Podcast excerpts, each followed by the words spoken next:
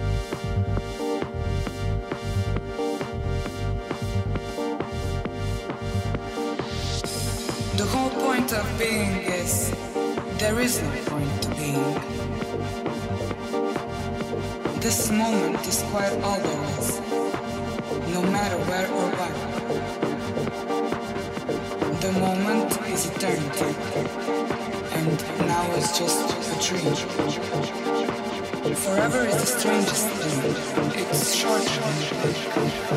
Right now, it's just as good as that.